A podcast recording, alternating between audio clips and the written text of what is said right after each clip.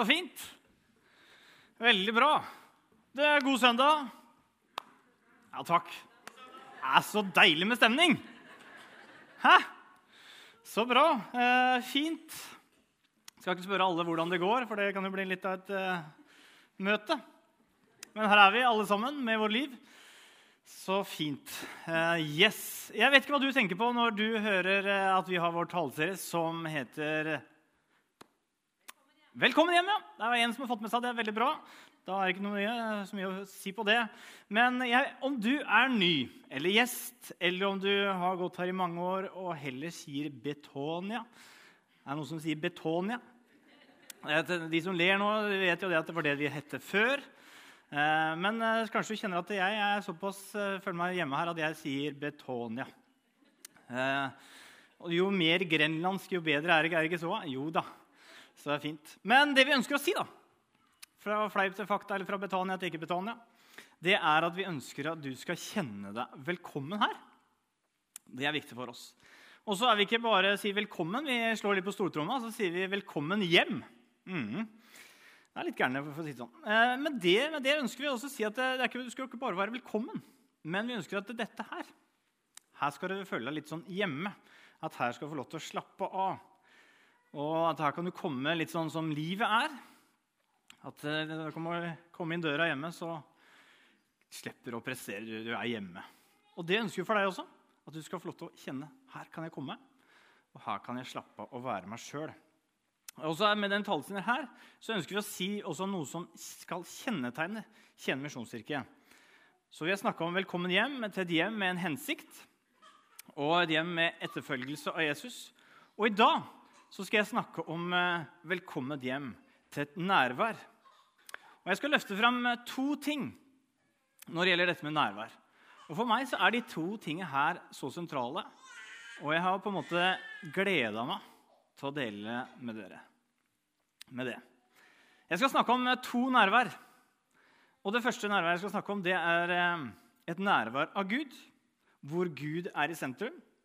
Og det andre jeg har lyst til å snakke om, det er et nærvær og et fellesskap. At vi er nære hverandres liv. Så det er det.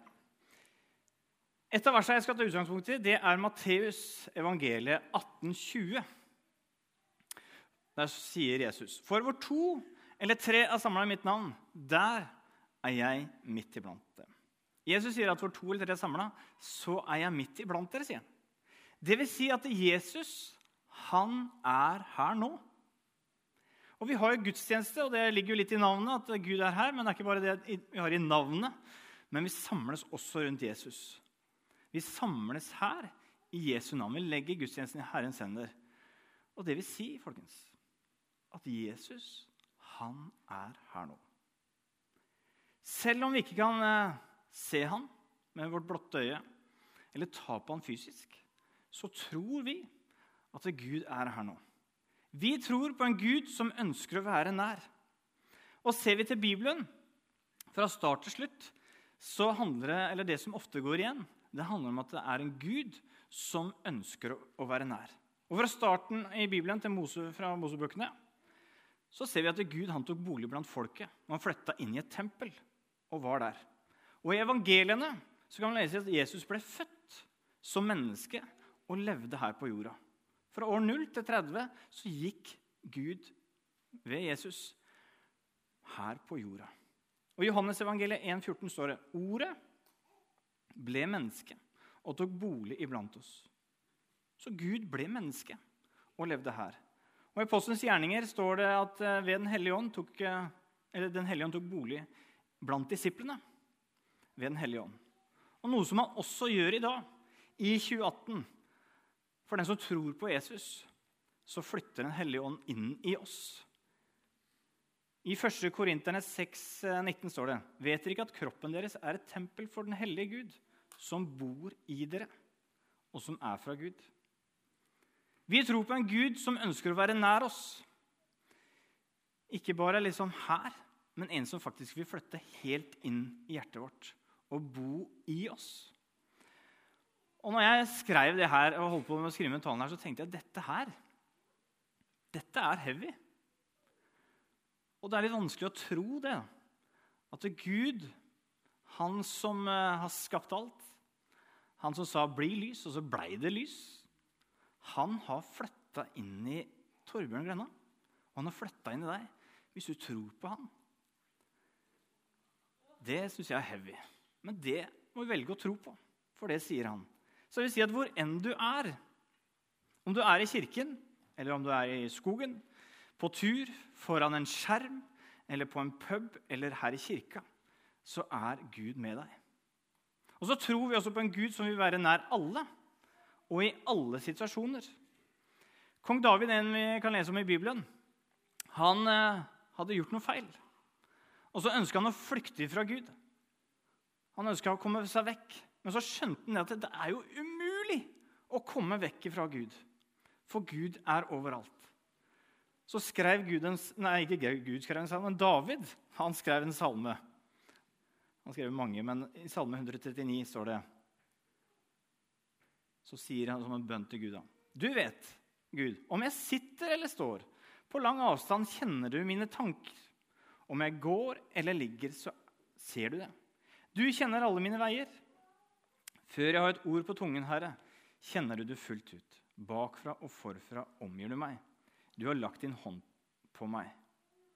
Det er et under jeg ikke forstår. Det er så høyt at jeg ikke kan fatte det. Hvor skulle jeg gå fra din pust? Hvor kunne jeg flykte fra ditt ansikt? Stiger jeg opp til himmelen? Er du der? Legger jeg meg i dødsriket? Er du der? Vi tror på en Gud som er allestedsnærværende. Det vil si at vi tror på en Gud som er overalt. Det vil si at Gud, han er her. Og det vil si at uansett hvor du er, uansett om du er her eller der, uansett hva du kan kjenne på, så kan du si 'Gud er her'.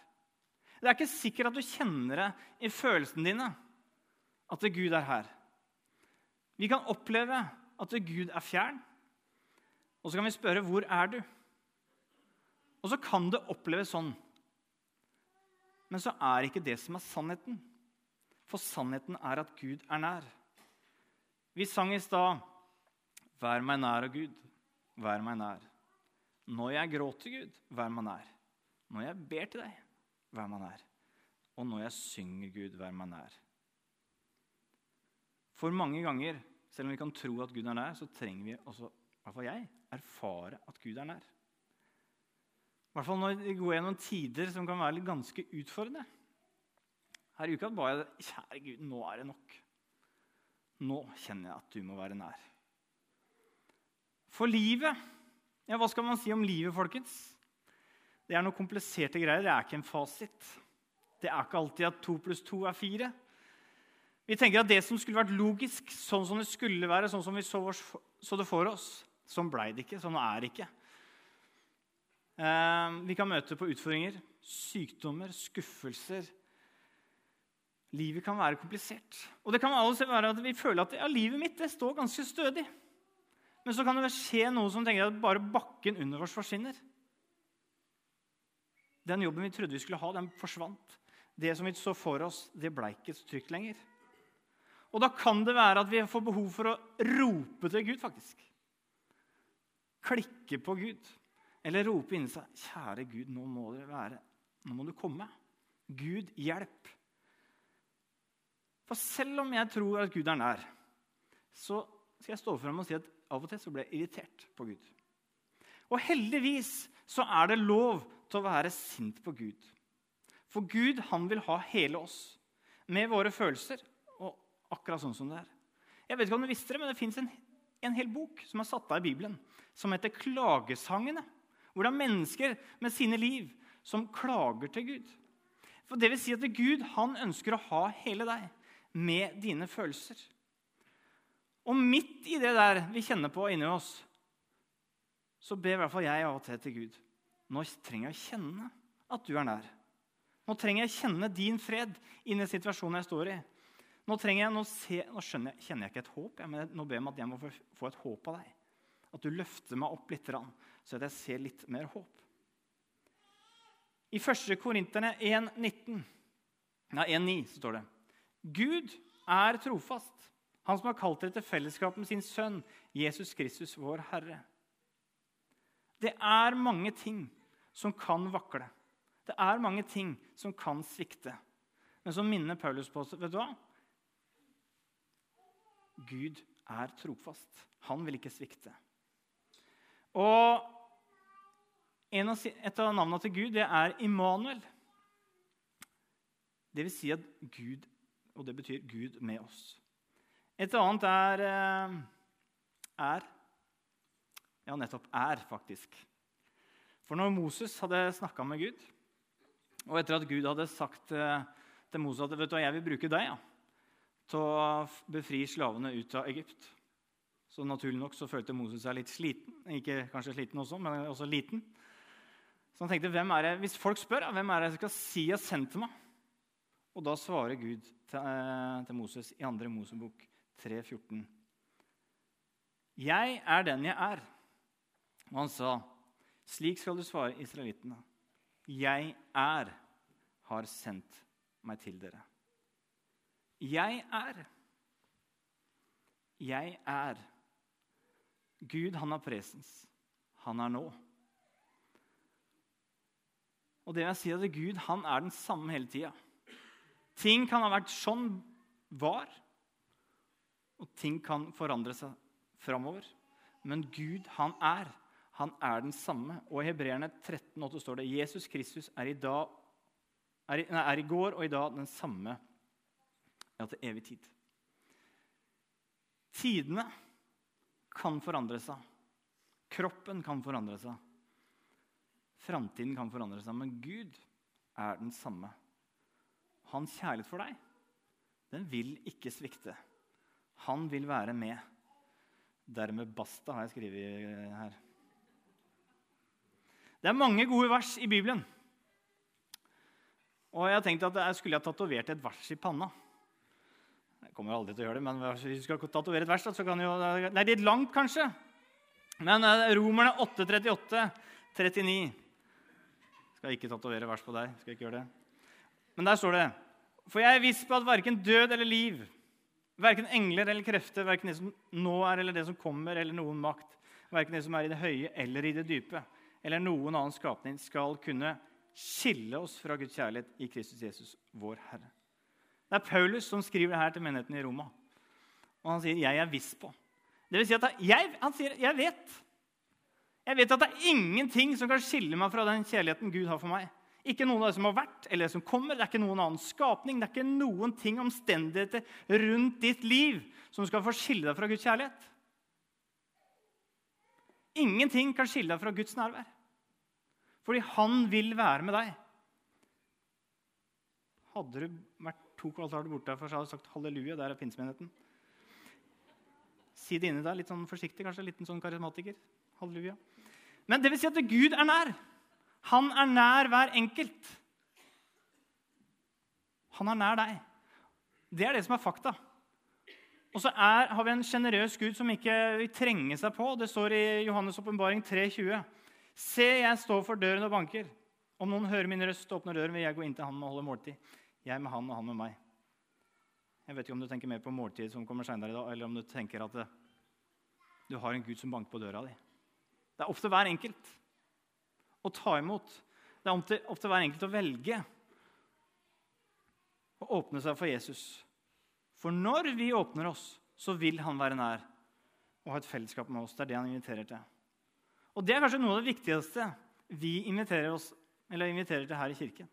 Det er et nærvær av Gud som vi tror er her, og hvor enn du måtte være. Det er på en måte kjernen i det å være kirke. Men vi gir oss ikke der. Vi inviterer også til noe mer. Som du merker, så sitter du ikke her aleine og hører på meg. Det hadde vært kjedelig hvis bare kom én i det. det liksom, hadde ikke oss fint. Men vi sitter ikke alene. Her er vi i fellesskap. Og det er det vi inviterer til. Og det fellesskapet her, noe som skal kjenne deg en del, er at vi har blikket festa oppover. Hva er Gud har for oss? Og så ønsker vi å ha beina godt planta på jord. Det er her vi lever. Det er her vi er. Det er vi her omgås med sammen.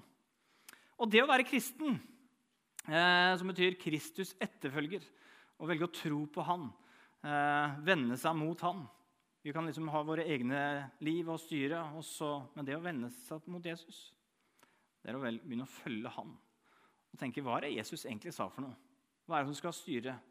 Og Noe av det siste Jesus sa til disiplene sine, og som han også sier til oss i dag, som jeg tror, som han sier i Johannes evangeliet 13 Ett nytt bud gir dere. Det, liksom, det burde greie å holde. Ett. Dere skal elske hverandre som jeg har elska dere. Som jeg elska dere, skal dere elske hverandre. Ved dette skal alle forstå at dere er mine disipler, at dere har kjærlighet til hverandre. Jesus gir, gir oss en oppgave. En oppgave gir han. Og det er at vi skal elske hverandre. Vi skal være gode mot hverandre. Han sier at det er sånn jeg har elska dere, skal dere elske andre. Og så kan man spørre, da Hvis vi skal elske sånn som Jesus gjorde, hvordan var Jesus? I Matteus sitt evangelien så kommer det fram om noe av hva folk sa om Jesus. I Matteus 11, 19 står det det er noe som sier om Jesus. Se for en storheter og vindriker, venn med tollere og syndere. Det står at Jesus var en som var venn med tollere og syndere. Og tollere og syndere det var sånne som hadde et dårlig rykte. Og så Gjerne sånn de andre religiøse så litt ned på. Og hvis du blir sett ned på, vet du, så er det ikke så kjekt å være sammen med, med de. Så Derfor likte ikke tollere og syndere sammen med de fariseerne som vi kalte de som liksom kom med fingeren. Men hva gjorde Jesus? Han ble venn med de. Og det er noen som kjenner igjen Jesus. Han ble venn med alle. han. Typisk Jesus. Liksom. Hvis man ønsket å være sammen med Jesus, så hadde Jesus tid og rom. Og det var noe Jesus gjorde. Han brukte tid med de. Han drakk og koste seg sammen med de. Jesus brukte tid og var nær. Noen som kjenner Jesus, han har kjærlighet, og han er raus. Og han ga sitt liv. Og så ønsker Jesus da, at den kjærligheten han visste, den skal også vi vise til andre. Og så sier at når vi gjør det, når vi viser den kjærligheten, hva skjer da? Da sier Jesus jo da skal andre forstå at vi er hans disipler. At det er da vi er kristne. Det er da vi følger etter Jesus. Er det noe Jesus sier vi skal være kjent for? så sier det at den kjærligheten, eller det vi skal være kjent for i Skien, det er den kjærligheten vi har til hverandre. Og det er noe som jeg jobber for at vi må etterstrebe. Det er at vi jobber med å skru opp varmen litt i menigheten vår. Jobbe for varme relasjoner. Det høres fint ut. Det er kanskje litt feminint ord, men jeg syns det er fint. Ja. Og jeg tenker også Det er noe sentralt i det å være kirke. For når vi bryr oss om hverandre, da, skrur vi opp varmen litt og litt. Og Jeg har en eh, bønn for mitt liv som jeg ber. Og så kan jeg stå fram. Jeg ber også for dere. Jeg ber om at vi, og i mitt liv, at vi må være våkne. Og ikke være så opptatt av vårt eget, men at vi får med oss hva andre har. Hva andres behov. For når Jesus forteller eller I historien Jesus forteller om den barmhjertige samaritan, så forteller han hvordan vi skal møte andre mennesker. Og Vi skal se kort på den. skal ikke ta hele, men ta noe der. Lukas 10. En mann var på vei fra Jerusalem ned til Jeriko. Da falt han i hendene på røvere. De rev klærne av ham, skamslo ham og lot ham ligge der, halvdød. Nå tratt det seg slik at en press kom samme vei. Han så, men gikk utenom og forbi. Det samme gjorde en levitt. Han kom, så mannen og gikk rett forbi. Men en samaritan, som var på reise, kom også dit hvor han lå. Og da han fikk se ham, fikk han inderlig medfølelse med ham. Han gikk bort til ham, helte olje og vin på sårene hans og forbandt dem. Så løftet han mannen opp på eselet sitt og tok ham med til et herberg og pleit ham. Neste morgen tok han fram to denarer og ga til verten og sa, 'Sørg godt for ham, og må du legge ut mer, skal jeg betale når jeg kommer tilbake.' Hvem av disse tre syntes du viste seg som en neste for han som ble overfalt av røvere? Han svarte, 'Den som viste barmhjertighet mot ham.' Da sa Jesus, 'Gå du og gjør som han'. Her er det tre personer som ser et behov. Hvor det er én som trenger hjelp. Men så er det bare én som visste omsorg og gjorde noe med det. Og så sier Jesus, 'Det er han dere skal ligne på'. Og Jesus var tydelig på at i møte med mennesker så visste han omsorg. Han sier at vi skal ikke bare se et behov, observere et behov, men vi skal velge å gjøre noe med det og vise medfølelse, sånn som samaritaneren gjorde. Han var på reise fra A til B, og på den reisa så, så han at noen trengte hjelp. Han var våken, men så velger han også å gjøre noe med det. Og Så bruker han av sine ressurser til å hjelpe. Og ikke bare det. Han bruker ressurser, av sine ressurser så også andre kan hjelpe. Og så kommer han tilbake og hjelper. Tenk om vi i Skien, eller Skien misjonskirke, kunne være kjent for det at vi var gode mot hverandre. Eller at det gikk rykter om at vet du hva, de der oppe på Skien misjonskirke de bryr seg om hverandre. De heier på hverandre når noen gjør det bra. Jeg vet ikke helt hva de snakker om der oppe, men jeg vet at de bryr seg om byen. Det er det Jesus sier at vi skal være kjent for. At vi viser medfølelse for hverandre. Denne høsten her har jeg hatt, uh, hatt en setning i huet som jeg har jobba litt med når jeg tenkte liksom på Skien misjonskirke. Som kan være et mål eller noe som ønsker for uh, Skien misjonskirke. Og det er at uh, det skal være godt å ha det vondt i Skien misjonskirke.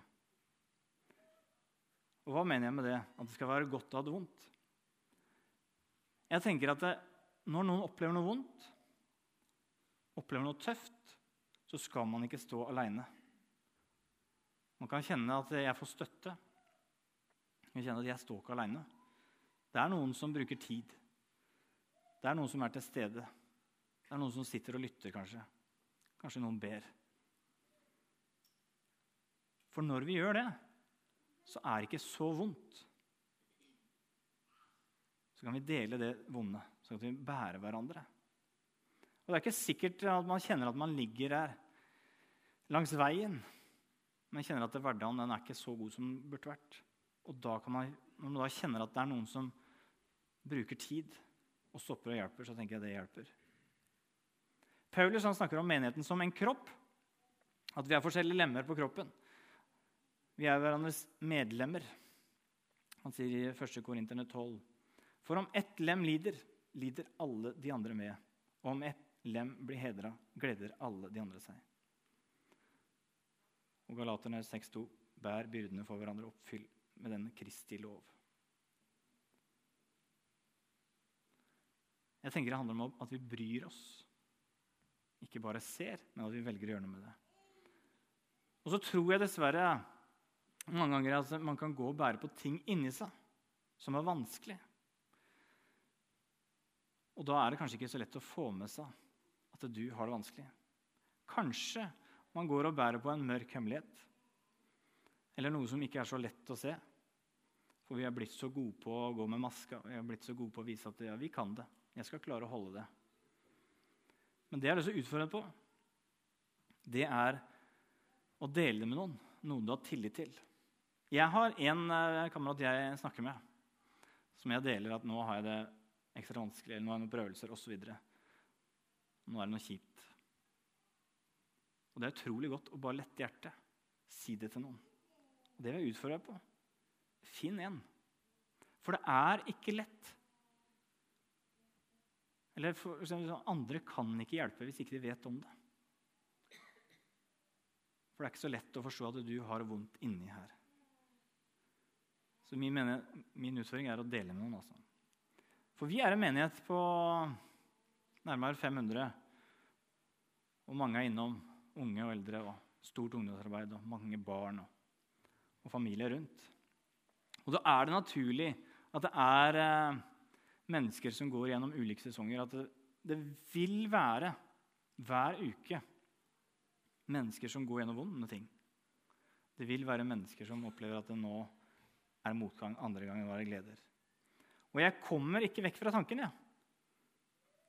At når det alltid er noen som har det vondt, som har behov kanskje på noe relasjonelt, praktisk, sosialt etc., samtidig så vil det være noen som har det bra. Som tenker at nå er livet greit.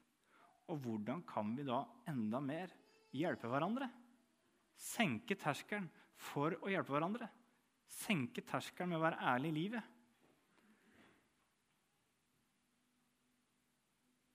For noen uker siden så var vi og hjelpa ei dame som trengte å rive en bod. Da stilte vi opp fire personer, og så reiv vi boden. Og når vi var ferdig, så fikk vi en deilig middag. For denne dama her så var den boden den var på en måte et fjell for henne. Midt i hennes hverdag. Og så kunne vi som kom, bare være et lite bønnesvar for henne. For oss var det ikke den store jobben, men for henne så betydde det utrolig mye. Jeg tenker at Vi kunne bruke våre armer, og så kunne hun bruke det hun var god på å lage middag. Jeg vet ikke hvem som ble mest velsigna, vi med maten, eller vi fikk mat, eller hun. Men poenget er at vi, vi kan hjelpe hverandre. Vi er forskjellige. Noen er praktikere, andre er sosiale, men poenget er at du kan bidra med det som du kan. Og så trenger vi hverandre. For vi i staben vi klarer ikke det. Vi kan gjøre noe, men vi er avhengig av hver enkelt. For når vi trenger hverandre, så har vi flere øyne til å se de som har utfordringer. Og noe som er viktig for oss, som Roar snakker om, det er smågrupper. Så er du ikke med i en smågruppe, du inviterer jeg til å bli med. Og et mindre fellesskap hvor man deler troen og livet. Når man da er et mindre fellesskap, så er det litt lettere å få med seg å sjekke pulsen på hverandre. Hvordan er det egentlig? Og da være der for hverandre. De første kristne det var nesten en stor smågruppe. I Apostelens gjerninger 2,45 står det de solgte eiendommene sine og det de ellers eide, og delte ut til alle etter hver enkelt som trengte det. De delte ut til hver enkelt som trengte det. Og her inne så sitter vi på masse ressurser. Vi sitter på masse tid. Vi sitter på kunnskap og ferdigheter som vi kan være for hverandre. Jeg har lyst til å komme med en utfordring til deg i ditt liv. Det er å være bevisst på at Gud er nær i uka som kommer. På veien til jobb eller på veien hjemme eller foran kjøkkenbenken. Så tenk på at Gud er nær. At han er like mye nær der som han er her, eller hvor en stor opplevelse du har hatt med Gud, eller du lengter etter han, så vit at Gud er nær. Så jeg deg på uka som kommer, å bremse opp litt. Vi er utrolig gode på å farte. Utrolig god på at det må skje noe hele tida. Vi må sjekke liksom, hva er siste oppdatering, vi må sjekke ditt, vi må osv.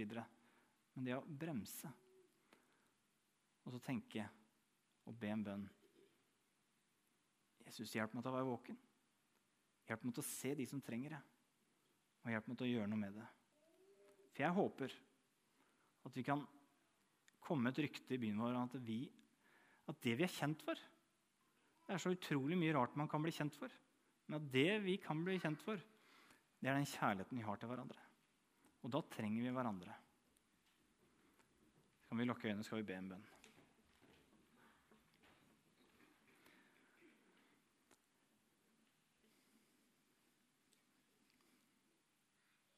Takk, Jesus, Herre, for din trofasthet.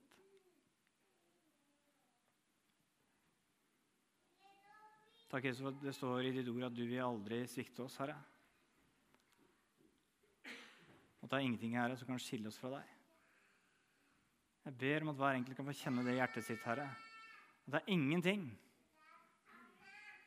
som kan skille oss fra deg, Jesus.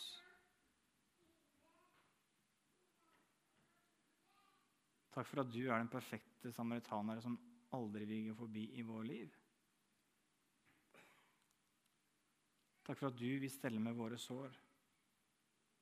Og ber om at du må gjøre det med hver enkelt nå, Herre. Som bare du kan. Du vet våre hemmeligheter, du vet vår mørke, du vet akkurat åssen livet er, Jesus. Kom med din Hellige Ånd. Kom, Herre. Du er Herre. Kom til hver enkelt nå.